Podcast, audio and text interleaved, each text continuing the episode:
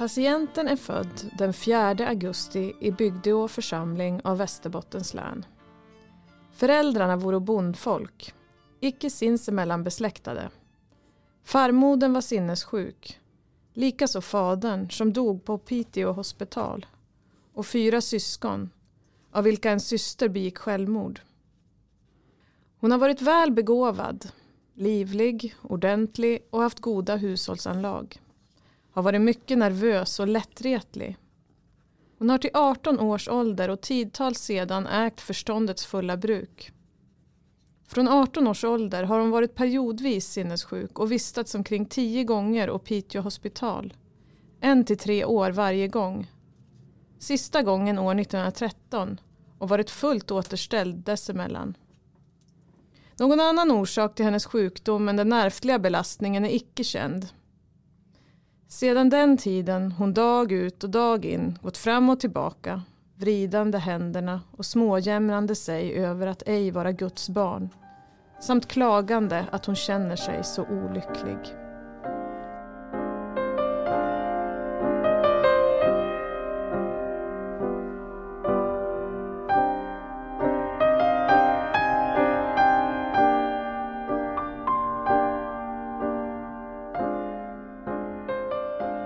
Ja men hej och välkomna till Arkivpodden.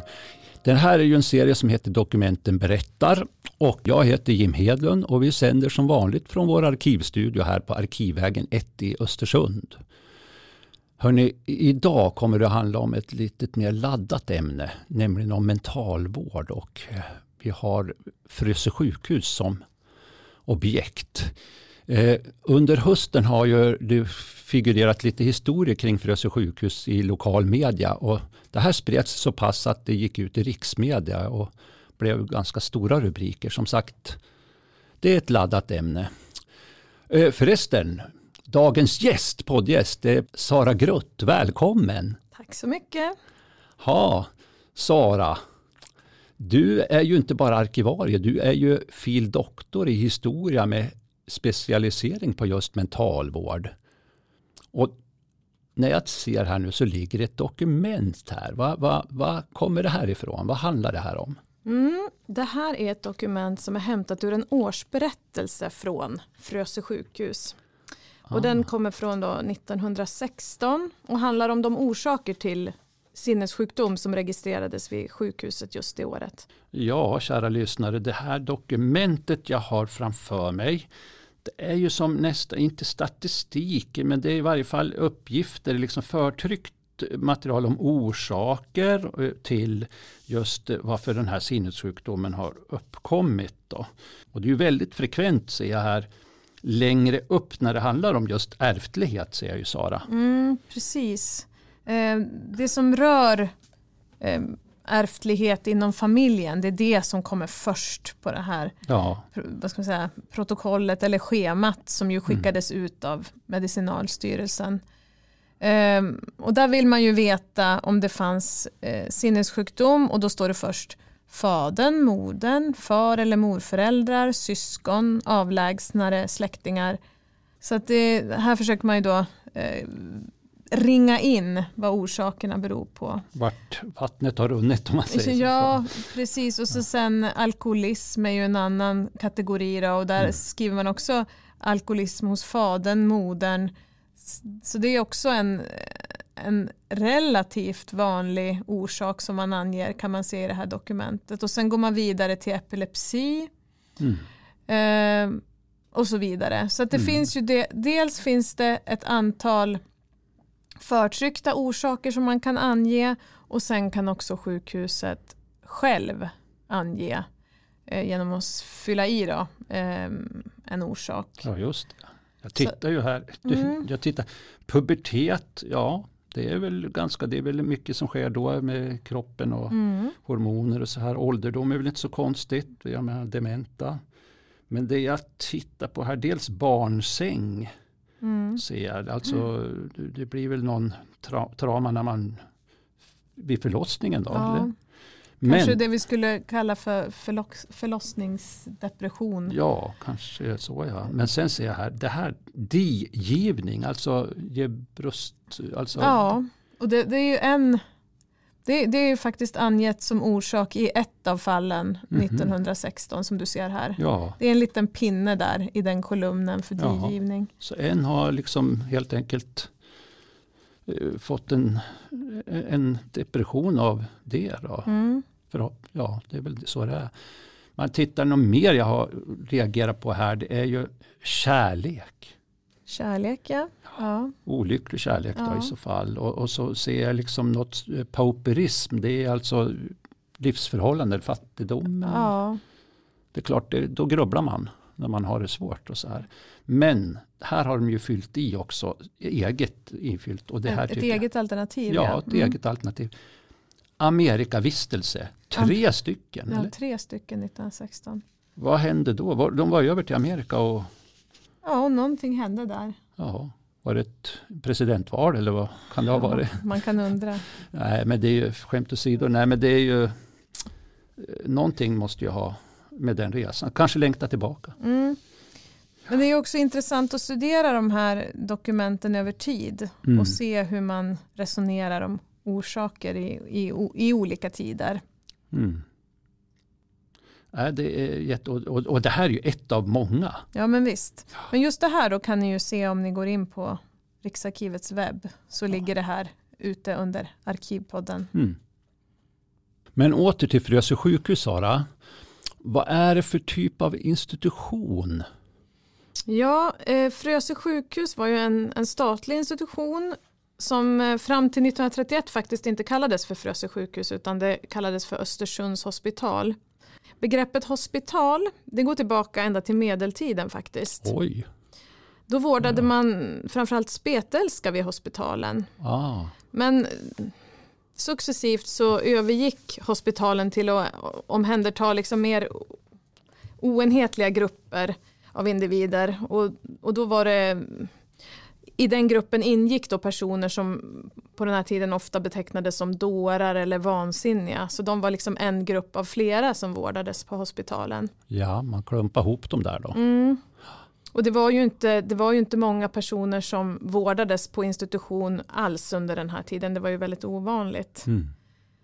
Men sen då tidigt under 1800-talet så beslutar regeringen om en reform. Och där vill man specialisera hospitalen mot vård av de som man kallar botbara sinnessjuka. Så det här blir liksom ett eh, startskott för en väldigt stor expansion av, av sinnessjukvården och den, den kommer att pågå i över hundra år faktiskt. Jaha, oj. Och för att, liksom, för att man ska förstå lite volymen i den här expansionen så kan man ju säga att 1840 så finns det drygt tusen patienter inskrivna vid, vid något av hospitalen i Sverige. 1960 så är motsvarande siffra över 33 000. Oj, oj, oj. Då får man ju ta, liksom, man får ta med i beräkningen att folkmängden har ju mer än fördubblats. Men man förstår ju ändå vilken liksom, stor förändring det här Absolut. faktiskt innebär. Och det är ju inte bara den här typen av institutionsvård som ökar vid den här tiden. Mm. Utan eh, man inrättar ju institutioner för alla typer av funktionsvariationer som vi skulle säga idag.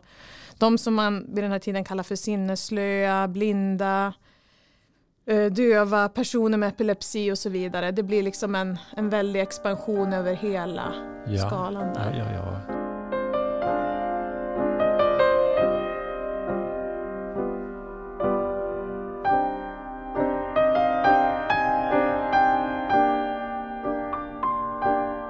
Vart gjorde man av de här innan institutionerna? Då? Vart gjorde man av sådana här människor? Vart? Mm, ja, det, det berodde ju väldigt mycket på omständigheterna.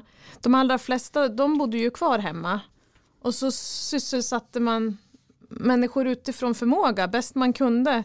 Och man kan ju se att under innan industrialiseringen så kunde ju människor kanske bidra mer utifrån sin funktionsnivå Mm, i olika, liksom, olika delar i självhushållningen och så vidare. Men, men sen så när man går över till ett industrisamhälle så blir ju liksom också normen snävare och det är liksom svårare för människor som har någon form av funktionsvariation att, att hitta en sysselsättning som passar deras Ja, förmågor. Eh, Så när Frösö sjukhus öppnar, det ja. öppnar 1915, då har ju den här statliga sinnessjukvården byggts upp under närmare 70 år, alltså den här eh, medvetna satsningen eh, på hospitalen.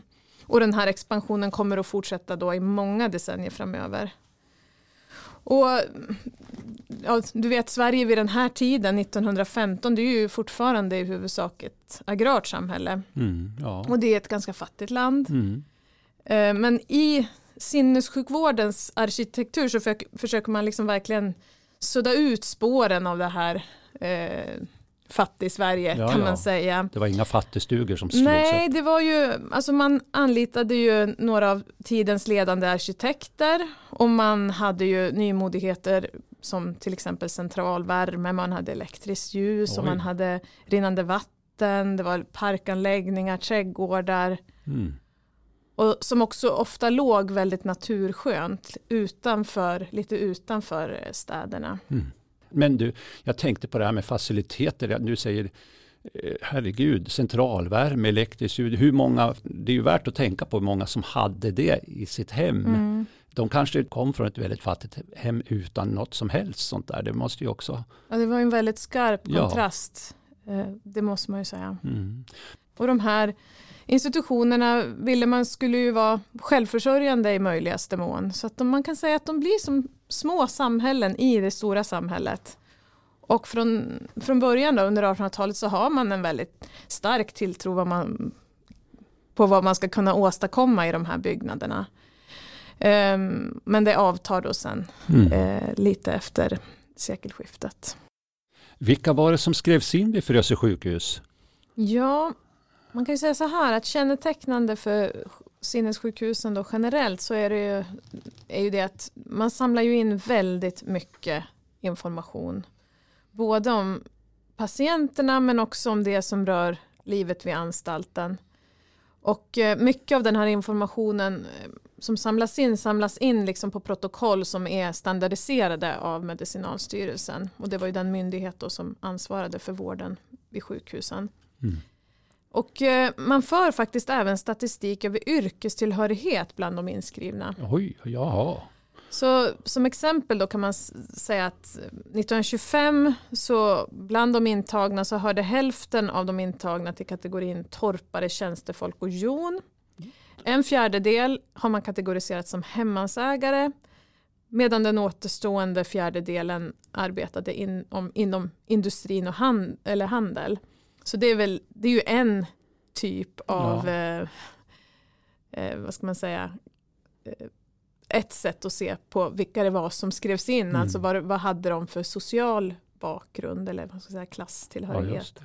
Nej, jag, jag bara hör, jag, det kändes som att det är ju ändå inte den högsta, det verkar ju vara ar- mer de arbetande, de lite längst ner på stegen som är inskrivna. Ja, jo men det, det får man väl ändå säga. Men sen, sen hur stor del av befolkningen de var, det kan jag inte säga. Men man får Mm. väl väga det också mot det då. Ja, det Men sen, sen så ska man väl också tillägga att det var ju inte bara personer från Jämtland, Härjedalen som skrevs in på Frösö sjukhus utan det var ju också många från eh, Västerbotten Mm. och Västernorrland så att det var ju liksom Norrlandslänen.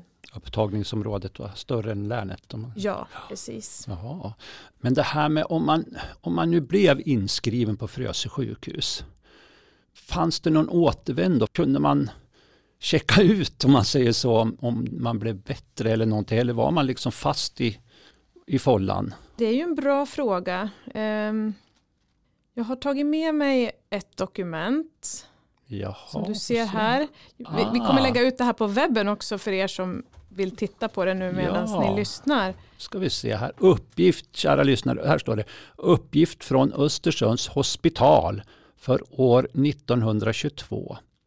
Det är Rubrik angående intagna avförda den 31 december befintliga samt antalet expektanter den 31 december. Sen är det lite statistik här och kolumner på olika. Vad är det jag ser Sara?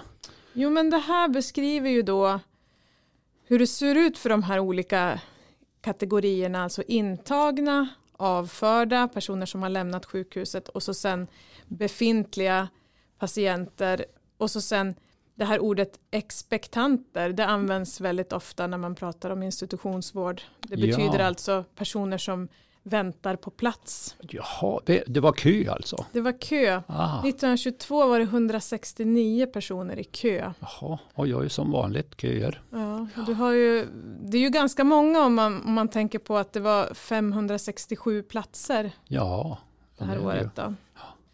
Mhm. Men tittar man på den här kategorin intagna så Mm. har de delat upp den gruppen i tre olika kategorier. Ja, jag ser ju det. Dels är det intagna som någon gång tidigare har varit intagna vid, vid en eh, anstalt för sinnessjuka. En stammis.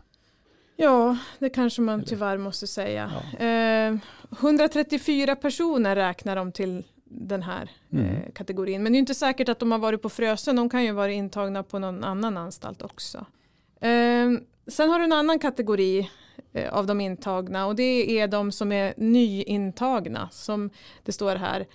Det är 106, 106 personer som tillhör den gruppen. Då. Mhm. Och sen finns det en tredje grupp och det är de som är överflyttade från en annan anstalt för sinnessjuka och det är tre personer det här året. Då. Det som slår mig här det är ju det här, den jämna könsfördelningen alltså. Mm. Jag ser. Det är väl- väldigt jämnt mellan kvinnor Ja. och män. Ja, det, det skiljer på två, tre stycken mellan könen. Så 243 personer har man tagit in under det här året. Mm. Och tittar man då på, på kategorin avförda så är det 156 totalt. Så, Okej, 156 har left the building eller vad Ja, man säger. har, har avförts från sjukhusets rullor på något sätt. Ja, Och eh, av dem då så är det 42 som eh, har tillfrisknat. 30 stycken förbättrade står det här. mm. 10 oförbättrade. 46 personer har man överfört till andra anstalter, andra, statliga anstalter för sinnessjuka. Mm. 28 personer har dött under året.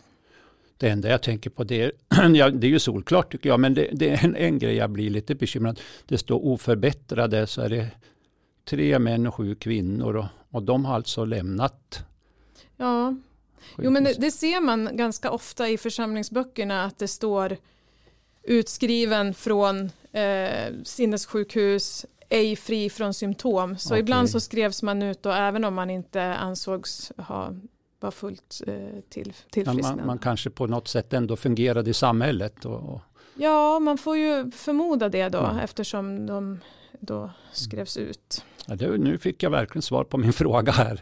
Tack så mycket för den. Vi fortsätter. Mm.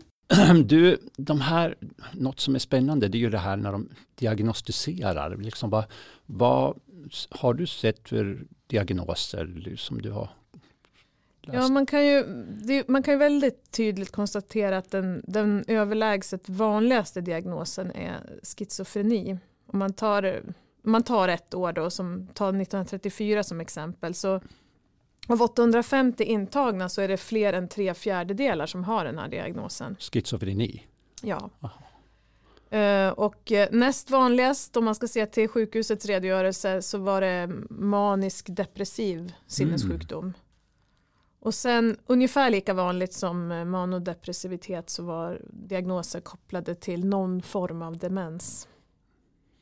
Men sen, sen så finns det också andra eh, mindre vanliga diagnoser. Då. Men du, eh, ja schizofreni förresten, det, det förstår jag vad det är. Det är, ju en, det är ju en vanlig diagnos som uppges idag med, det är det ju. Ja, det är ju det. Och det.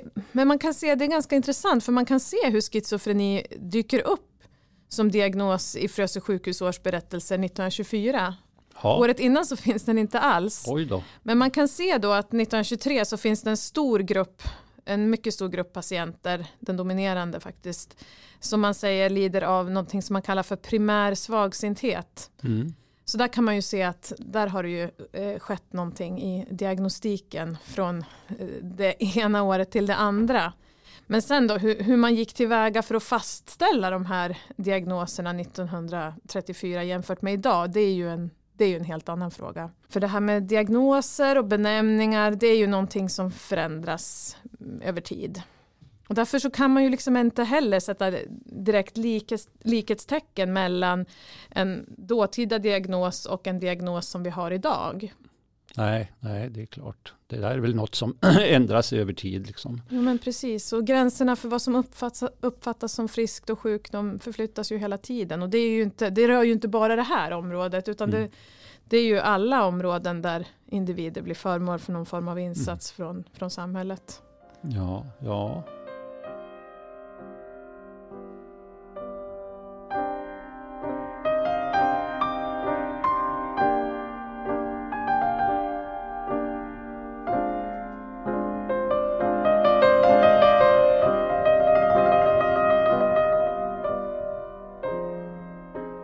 Men du, vad, vad, vad, hade man för behandling? vad fanns det för behandlingar? Vad körde man med för någonting?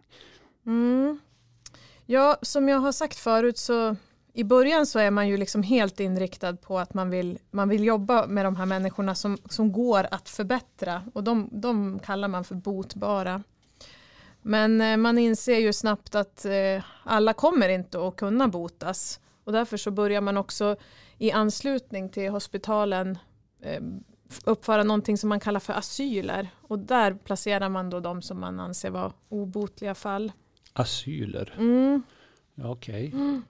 Alltså man har ju behandlingen i början den handlar ju egentligen om att man ska liksom, det ska vara så vilsamt som ja, möjligt. Ja. Och man, man jobbar mycket med det här med sängläge och alla nya nyintagna patienter de ska också ligga till sängs och observeras. Och eh, man ska liksom dämpa de här sinnesintrycken och det ska vara så lugnt som möjligt. Och överlag kan man ju säga att all behandling handlar ju väldigt länge om att faktiskt göra patienterna så lugna som möjligt mm. och så lättskötta som möjligt. Det här med lättskött är ju någonting som man pratar ja, väldigt ja. mycket om. Du, hallå där. Lättskött, vad då? Är det det jag tänker på att man ska man ska göra det så, ja det är ju som debatten är idag nästan ibland när man drogar ner dem så att de kan, ja det blir lite lättare att jobba med patienten. Ja, men jag skulle nog säga också att skillnaden mellan då och nu är ju faktiskt väldigt stor.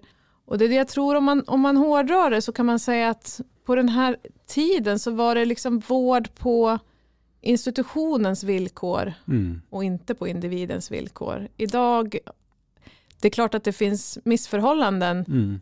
i vård idag också. Men, ja, men att idag har, vi, har ju pendeln slagit över så att vi, har, vi utgår ifrån individen. Men ja. här utgick man mer ifrån institutionens väl och ve kan man, kan man säga. Mm.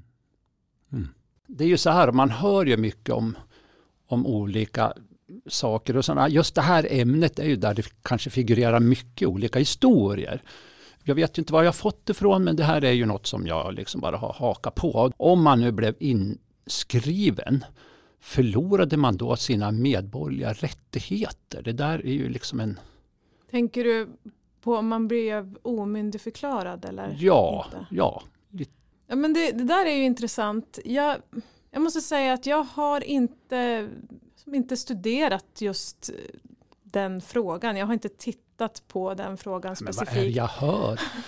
jag har heller inte sett någonting i tidigare forskning om, om Frösö sjukhus. Det kan ha gått mig förbi. Mm. Eh, men det vore ju intressant att veta mer om det. I vilken mm. utsträckning man var omyndigförklarad. Jag tror att det, det varierade nog ganska mycket beroende på arten av ens sjukdom mm. och eh, vad man hade för diagnos och hur många gånger man hade varit intagen och, och så. Mm. Det man kan se i, eh, när man tittar i församlingsböckerna så ser man ju att eh, en hel del personer blir omyndigförklarade och sen blir de myndigförklarade igen. Mm. Så att den här omyndigförklaringen är ju inte alltid konstant utan Nej. den hävs då ibland. Ja, jag, faktiskt när, när du säger det har jag också kommit på att jag har ju sett det, de som har varit mm. deprimerade ett tag och sen kommit tillbaks på banan. Mm. Ja, just det. Ja. Men jag, jag, vet inte så mycket om det faktiskt. Så det vore ju intressant om någon skulle titta närmare på det. Mm. Ja. Men eh, för att återgå till det här med behandling då. Så som jag sagt förut så om man kring sekelskiftet 1900 och faktiskt ända fram på 30-talet så så fanns det ett ideal om att patienterna skulle vara sängliggande, de skulle vila och de skulle inte ha så många sinnesintryck. Och eh, när det gäller tvångsmedel som bälten och tröjor och sånt så, så, så, skulle de användas sparsamt men man vet ju att de användes ju ändå rätt så frekvent och mm. man hade till exempel bälten i sängarna för de som inte ville ligga till sängs. För det var ju ganska svårt att få folk att faktiskt vilja ligga så här ja, eh, långa perioder i, i, säng. Och vid, vid, vid sidan då av den här, det här sängläget och vilan så hade man ju också eh, långa bad. Eh, och man hade stora badrum i anslutning till av, avdelningarna. Och vissa patienter, ja de gick ju från, direkt från sängen och la sig i bad, badkaret och där blev de kvar större delen av dagen. De kunde ligga där då 6 till 12 timmar. Oh, oj, oj, oj. Och sen hade man också en väldigt tydlig och återkommande rutin för, för dagen på institutionen och den skulle liksom i sig att ha den här tydliga rutinen det skulle i sig liksom disciplinera patienterna mm. och göra dem bättre. Asch, och jag, bad, hörru du, det behövs inte många minuter. När jag är i badet så börjar jag bli som en svamp på fingrar och fötter. Hur, hur, hur de såg ut. Liksom. Ja, man kan tänka sig att det var ja, ja. inte lätt. Hmm. Men sen så ger man ju också olika typer av medicinska preparat eh, under, ja men ta som under 20-talet, man använder opium ganska mycket. Trional, luminal, men mm. på den här tiden så är ju ändå de här behandlingarna, liksom, det är de, de är av underordnad betydelse framför det här med, med bad och vila. Mm. Men sen så har eh, Frösö sjukhus har från 30-talet och framåt en läkare som är väldigt intresserad av nya behandlingsmetoder och han heter John Agerberg. Och man kan säga att han tillhör en ny generation av eh, läkare inom psykiatrin. Ja. Och han inför något som kallas för sulfosinbehandlingar för patienter med diagnosen schizofreni. Uh, sulfosin, det här är ju som begrepp inte ja, alls Jo men det är väldigt mycket, mycket namn på läkemedel men, men här den här behandlingen den utlöser en febertopp hos patienten och sen så eh, följs det av en, dags, en, en dags vila och sen får patienten ännu en dos av det här behandlingen och preparatet och sen håller det på sådär. Mm -hmm. Och man prövar väldigt många sådana olika typer av behandlingar men när man liksom ser att de inte har någon större verkan då vissa av dem så lägger man dem åt sidan och så provar man någonting annat. Ja, just det. Det, man, det var lite, lite experiment, men det, så, så kan det ju förekomma idag. Men du, fanns det några risker med de här behandlingarna? Har man sett det? Liksom, eller? Eh, jo, men om man tar John Agerberg, som jag nämnde tidigare, han var faktiskt också först i Sverige med att eh, börja med insulininjektioner. Ja. Och det inför man mot slutet av 1930-talet på Frösön då, som första institution i landet med det. Och eh, den, med den här metoden så injicerade man insulin i patienten som då liksom försattes i ett komatillstånd eller i, i djup sömn. Oh, jaha. Och eh, det, det, här ansågs som det var en väldigt lyckad behandling tyckte man vid den här tiden. Att den mm. revolutionerade då eh, behandlingen därför att patienterna blev så pass lugna. Mm. Men det, det innebar ju också stora risker för att det kunde bli eh, allvarliga komplikationer. Så patienten måste liksom, eh, eller personalen måste snabbt kunna avbryta den här behandlingen mm. om man såg att det att, eh, Försöka få upp dem i komat? Ja, eller? så ja. Det, var, det var ju väldigt, eh, det var, det var farligt. Mm. Mm. Och sen så börjar man också 1941 på Frösön med elektrochockbehandlingar. och det mm. används ju också än idag fast, fast på ett annat sätt. Mm. Eh, och då fick ju patienterna en eldos som var så stark så att man blev medvetslös. Och sen så, eh, det var ju också något som man, man fick många, många behandlingar under en längre tid. Då. Och precis som med, med, flera av de här tidiga behandlingsmetoderna så, så upplevde läkarna att patienterna förbättrades men de kunde liksom inte exakt förklara varför. Mm -hmm, mm. Så att det är ju det är ju en tid då, då, då, det, då det händer Mm. då det händer väldigt mycket inom det här området men också ja det är jobbigt. Mm. Ja. Ja, ja, ja. Den är, ju- jag vet ju liksom, det går ju, det finns ju alltid historier och myter kring det här och jag har ju hört någonting. Och vart jag hört vet jag inte, men att man la folk i badkar och så stoppar man ner en elord. Alltså som skulle chocka dem där. Då. Va, va, har du ens hört om det? Vad tror du om det här Sara?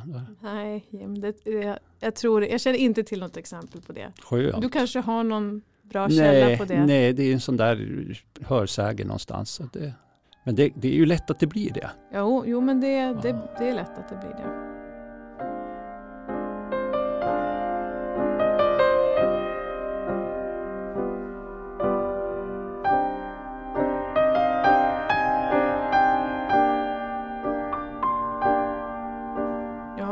Känns ju jobbigt att tänka på att så många patienter fick pröva på så många behandlingsmetoder som egentligen inte var, som inte var säkra och som man inte visste riktigt vad de skulle få för effekt. Mm.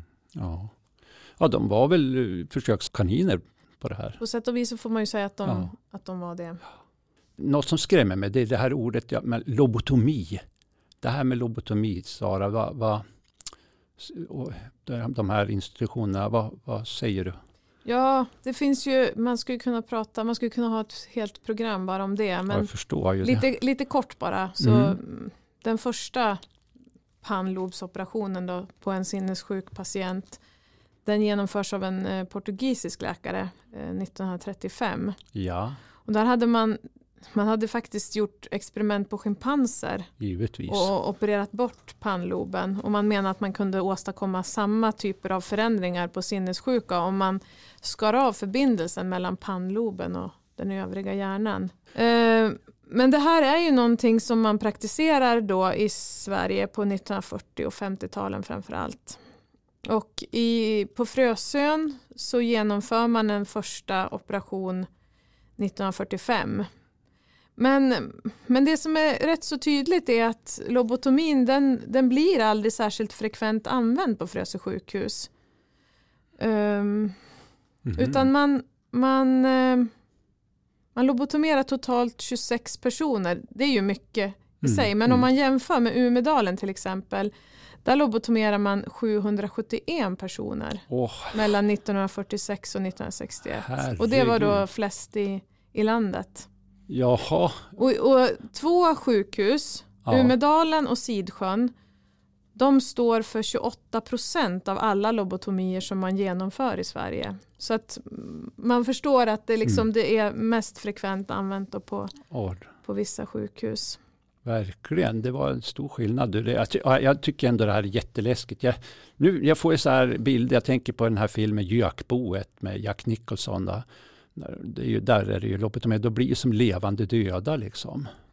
Men det här med skillnaden, hur, varför var det så, eller vet man det, hur kunde det vara så stor skillnad då? Vi tar mellan uh, Frösön och Umeå till exempel. Va, va, har du någon? Man kan väl säga att det dels beror det väl på enskilda individer, alltså vilka det är som, som faktiskt eh, som bestämmer på de här olika sjukhusen och att det går att liksom fatta självständiga beslut eh, inom det handlingsutrymme som liksom lagen tillät. Mm. Men om man tittar på, det finns eh, en avhandling från Umeå universitet från 2007 eh, som Kenneth Ögren har skrivit och som handlar om psykokirurgins historia i Sverige. Och där så, han, han har en idé om att det kan vara så att det verkar som att lobotomin används mer frekvent på, på nyare sjukhus. Okej. Som Umedalen till exempel och Sidsjön. Mm. Medan det används mindre frekvent på sjukhus som var mer etablerade på den här tiden. Jajamän. Och där skulle liksom Frösön kunna stå för, för ett mer etablerat sjukhus där man liksom redan har sina beprövade behandlingar och de redan har slagit rot på något sätt. Mm.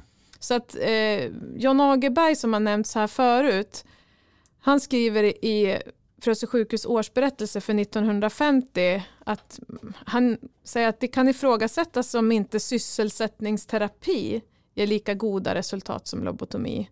Så att det är ganska uppenbart att just på Frösön så, så finns det en skepsis till just lobotomi. Och eh, där hade man liksom länge haft grupper av patienter sysselsatta inom sjukhusets mm. liksom olika områden. De fick ju hjälpa till att jobba. De jobbade i vävsal och jordbruk och skomakeri och så vidare. Men det man ser då på, på början på 30 och sen framåt så, så får sysselsättningen, förut kanske den var mer nödvändig. Mm. Man måste ha patienter som jobbar i det här stora maskineriet ja, som institutionen var för att få det att snurra. Ett självhushåll liksom som Precis. ska fungera. Men, men nu ser man att man börjar liksom betona det här terapeutiska mm. i, i, i sysselsättningen. Mm. Men det som verkligen, verkligen förändrar allting, det är när eh, psykofarmakan kommer då på, ja. på 50-talet. Då förändras hela vården radikalt och det är ju just för att patienterna blir så pass lugna av mm. eh, medicinen och man kan liksom lägga de här andra behandlingsmetoderna som man har eh, experimenterat med, de kan mm. man liksom lägga åt sidan. Jajamän. Ja. Och 1954 då så börjar man introducera psykofarmaka på Frösö sjukhus. Mm.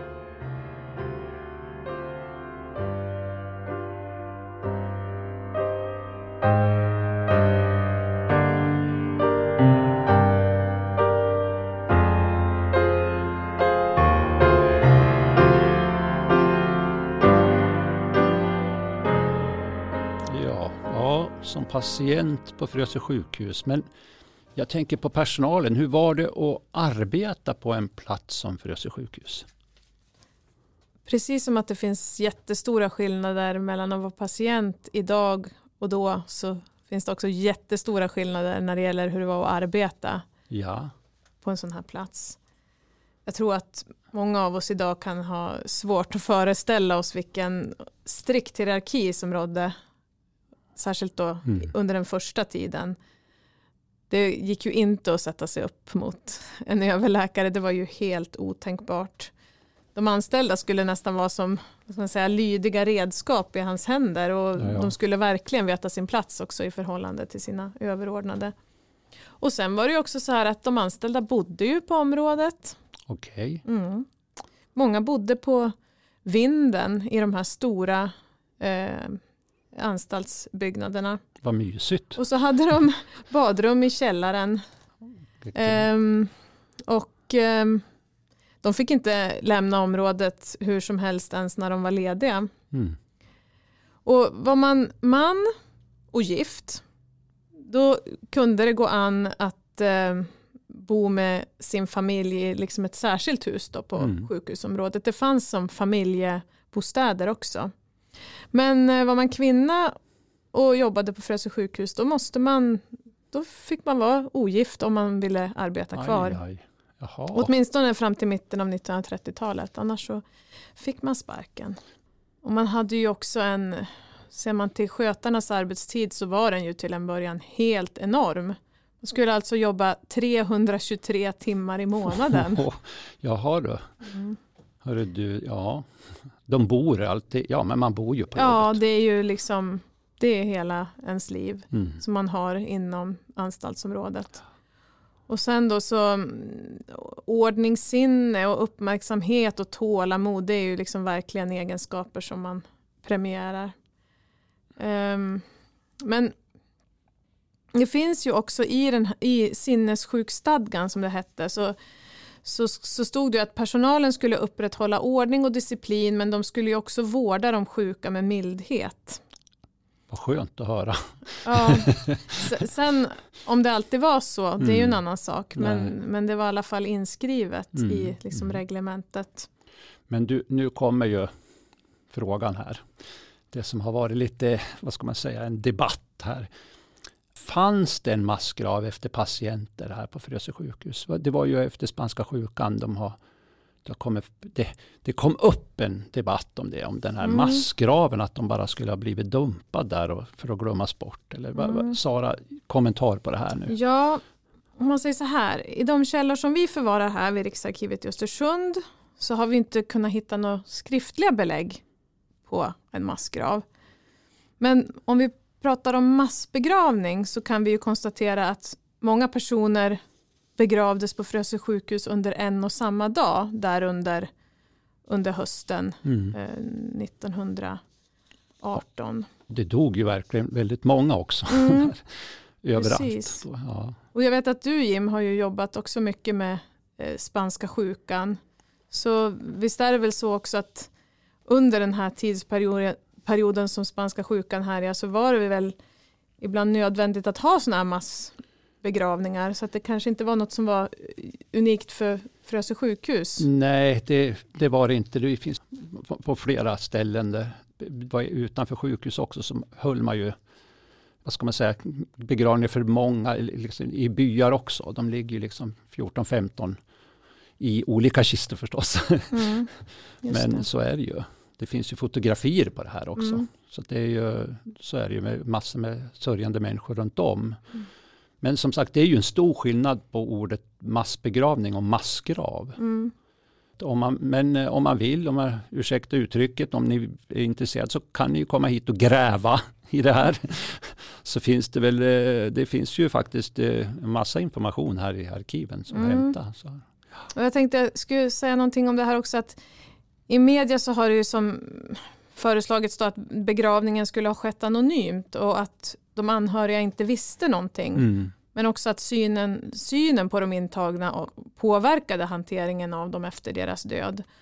Och där har vi eh, just det här med massgrav. Vi har inga källor som, som talar om någon massgrav. Men just i den här frågan så har vi exempel, flera exempel på källor som motsäger att, man, att det här skulle ha skett anonymt och lite i det fördolda. Mm. Så vi har sett hur det fanns korrespondens och noteringar om telefonsamtal med anhöriga beträffande de här dödsfallen och kommunikation med hemkommunernas fattigvårdsstyrelser och pastorsämbetena i Mm. hemförsamlingen och så. Mm. Men så alla är ju välkomna hit och, Ja. och titta på våra, de handlingar som vi har. Eh, så att, och där, där finns det ju, dels finns ju Frösö sjukhus arkiv och där ska vi kans, kanske säga att eh, journalerna, patientjournalerna, de Mm. finns inte här på Riksarkivet i Östersund utan de är det regionarkivet i region Jämtland Härjedalen som ja, har. ja, ja. Medan vi har eh, övriga handlingar då. Mm. Men sen så finns ju patienternas hemförsamlingars arkiv Mm. där de, of, eh, där de också är noterade. Och sen i Frösö församlingsarkiv så kan man faktiskt också hitta de här patienterna i död och begravningsboken. Och för att ni som lyssnar själva ska kunna titta på eh, dokument och bilda en uppfattning så eh, tänkte vi att vi har på Riksarkivets webbplats då under Arkivpodden så har vi lagt upp en länk till död och begravningsboken för Frösö församling. Och där alla patienter som dog vid hospitalet och som begravdes på Frösön, de finns antecknade i den här boken. Och allt som behövs för att kunna se den här sidan, det är att man har ett kostnadsfritt konto hos Riksarkivet. Mm. Och du kommer komma direkt till sidan för att skapa konto när du klickar på Ja, den här ja, ja. länken. Så det, det gör det. Gå in och titta hur, hur såg det ut i, Mm. i död och begravningsboken eh, 1918.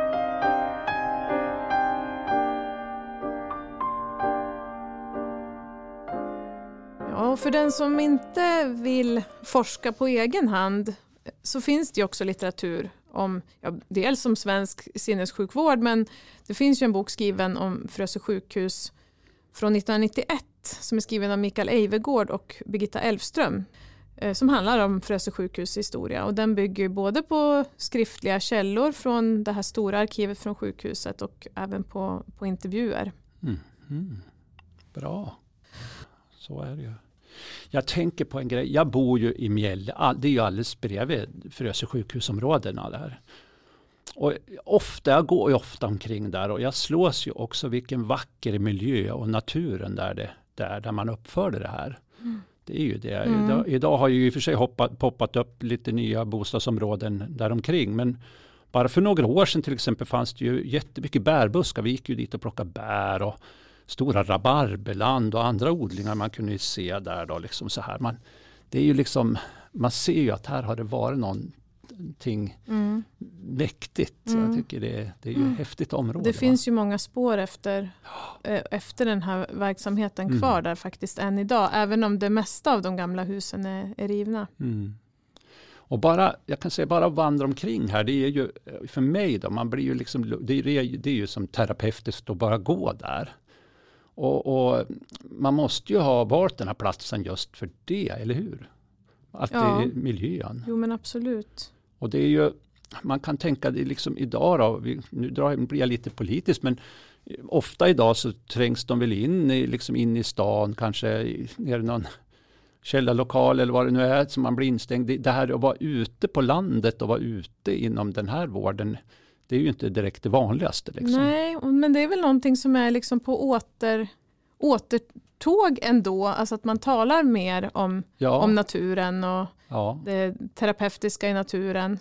Och man, kan ju, alltså man kan ju tänka att skulle man kunna ta det bästa från olika tider så kunde man ju kanske önska att man om man drabbas av psykisk ohälsa att man kan få vård igen mm. på en sån här naturskön plats. Ehm, men också att frågan kanske kunde få den här aktualiteten, att det blev viktigt på samma sätt som mm. det var, fast av andra orsaker ja, såklart. Visst, visst. Det är mycket som man vill slänga över bord, det ja, mesta. Det, Men just kunde, man, kunde man få den här, den här eh, stora satsningen igen mm. på, eh, på vården så eh, är det klart att det skulle vara positivt. Mm. Ja, Sara, eh, det är ju en grej. I början av programmet då läser du om ett fall, eller en patient kanske jag ska säga. Då. Vad, vad vet du mer om den här kvinnan? Hur, hur gick det för henne? Mm. Den här kvinnan hon är ju 51 år när hon kommer till Frösö sjukhus 1917. Och som jag, jag läste ju direkt ur hennes journal och som ja. man ser där så har hon ju liksom en ganska lång sjukhus mm. eller sjukdomshistoria och har ju varit inskriven många gånger på Piteå hospital innan hon kommer till Frösön. Och hon, hon kommer aldrig tillbaka till eh, hemorten då i Västerbotten utan hon, hon avlider på Frösö sjukhus 1936. Mm -hmm. Enligt journalen då av hjärtsvaghet. Mm. Så ja, de är ju det här journalerna det är ju ett väldigt eh, engagerande material. Man kan ju följa henne då under de här 20 åren som patient genom olika journalanteckningar. Där, man, där de beskriver hur hon pendlar mellan oro och nedstämdhet å ena sidan och skratt och skämtsamhet å, mm. å den andra sidan. Ja, ja. Ja, Sara. Hörru du. Jag, jag måste få tacka dig så jättemycket för en jätteintressant pratstund. Det här är ju ett intressant ämne, även om det som du säger, det är, det är ett svårt ämne men det är ändå jätteintressant. Så tack Sara. Tack så mycket. ja, och du är givetvis hjärtligt välkommen mer hit till vår poddstudio. Och kom ihåg kära lyssnare, om man är intresserade som Sara av liknande institutioner som till exempel Frösö sjukhus så, så är ju arkiven de bästa källorna. Så är det ju, eller hur Sara? Absolut. Tack som sagt än en gång Sara Grutt och tack alla som har lyssnat. Och fortsätt att följa oss, det kommer snart mer intressanta poddar här. Ni. Och hörni, ta hand om er nu i dessa coronatider och nu säger jag bara en sak. Klart slut från Arkivstudion från Östersund.